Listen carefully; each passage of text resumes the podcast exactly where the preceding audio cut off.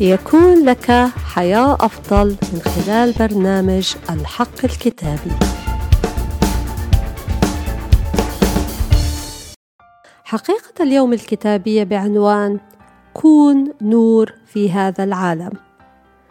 في ترنيمة بتقول: نور يا يسوع خلي النور يملى أرضنا. تخيل كيف تكون الحياة من غير نور. ظلمة 24 ساعة. هل تقدر أن تعيش في هذه الأجواء؟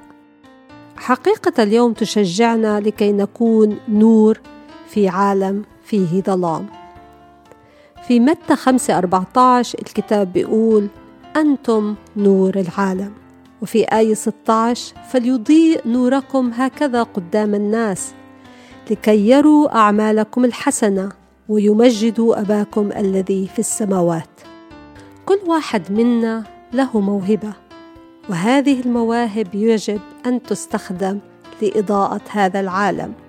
لنعمل فرقا نعمل اختراقات ليس من أنفسنا لكن من النور الحقيقي الذي يعكس في حياتنا لأجل الآخرين.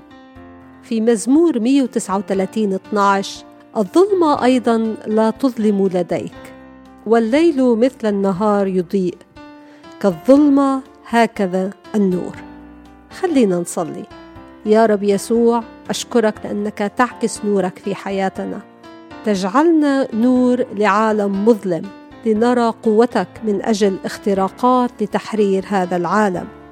وأشكرك يا رب لأنك سمعت واستجبت باسم الرب يسوع المسيح. آمين آمين. يبارككم الرب في حلقة جديدة من برنامج الحق الكتابي.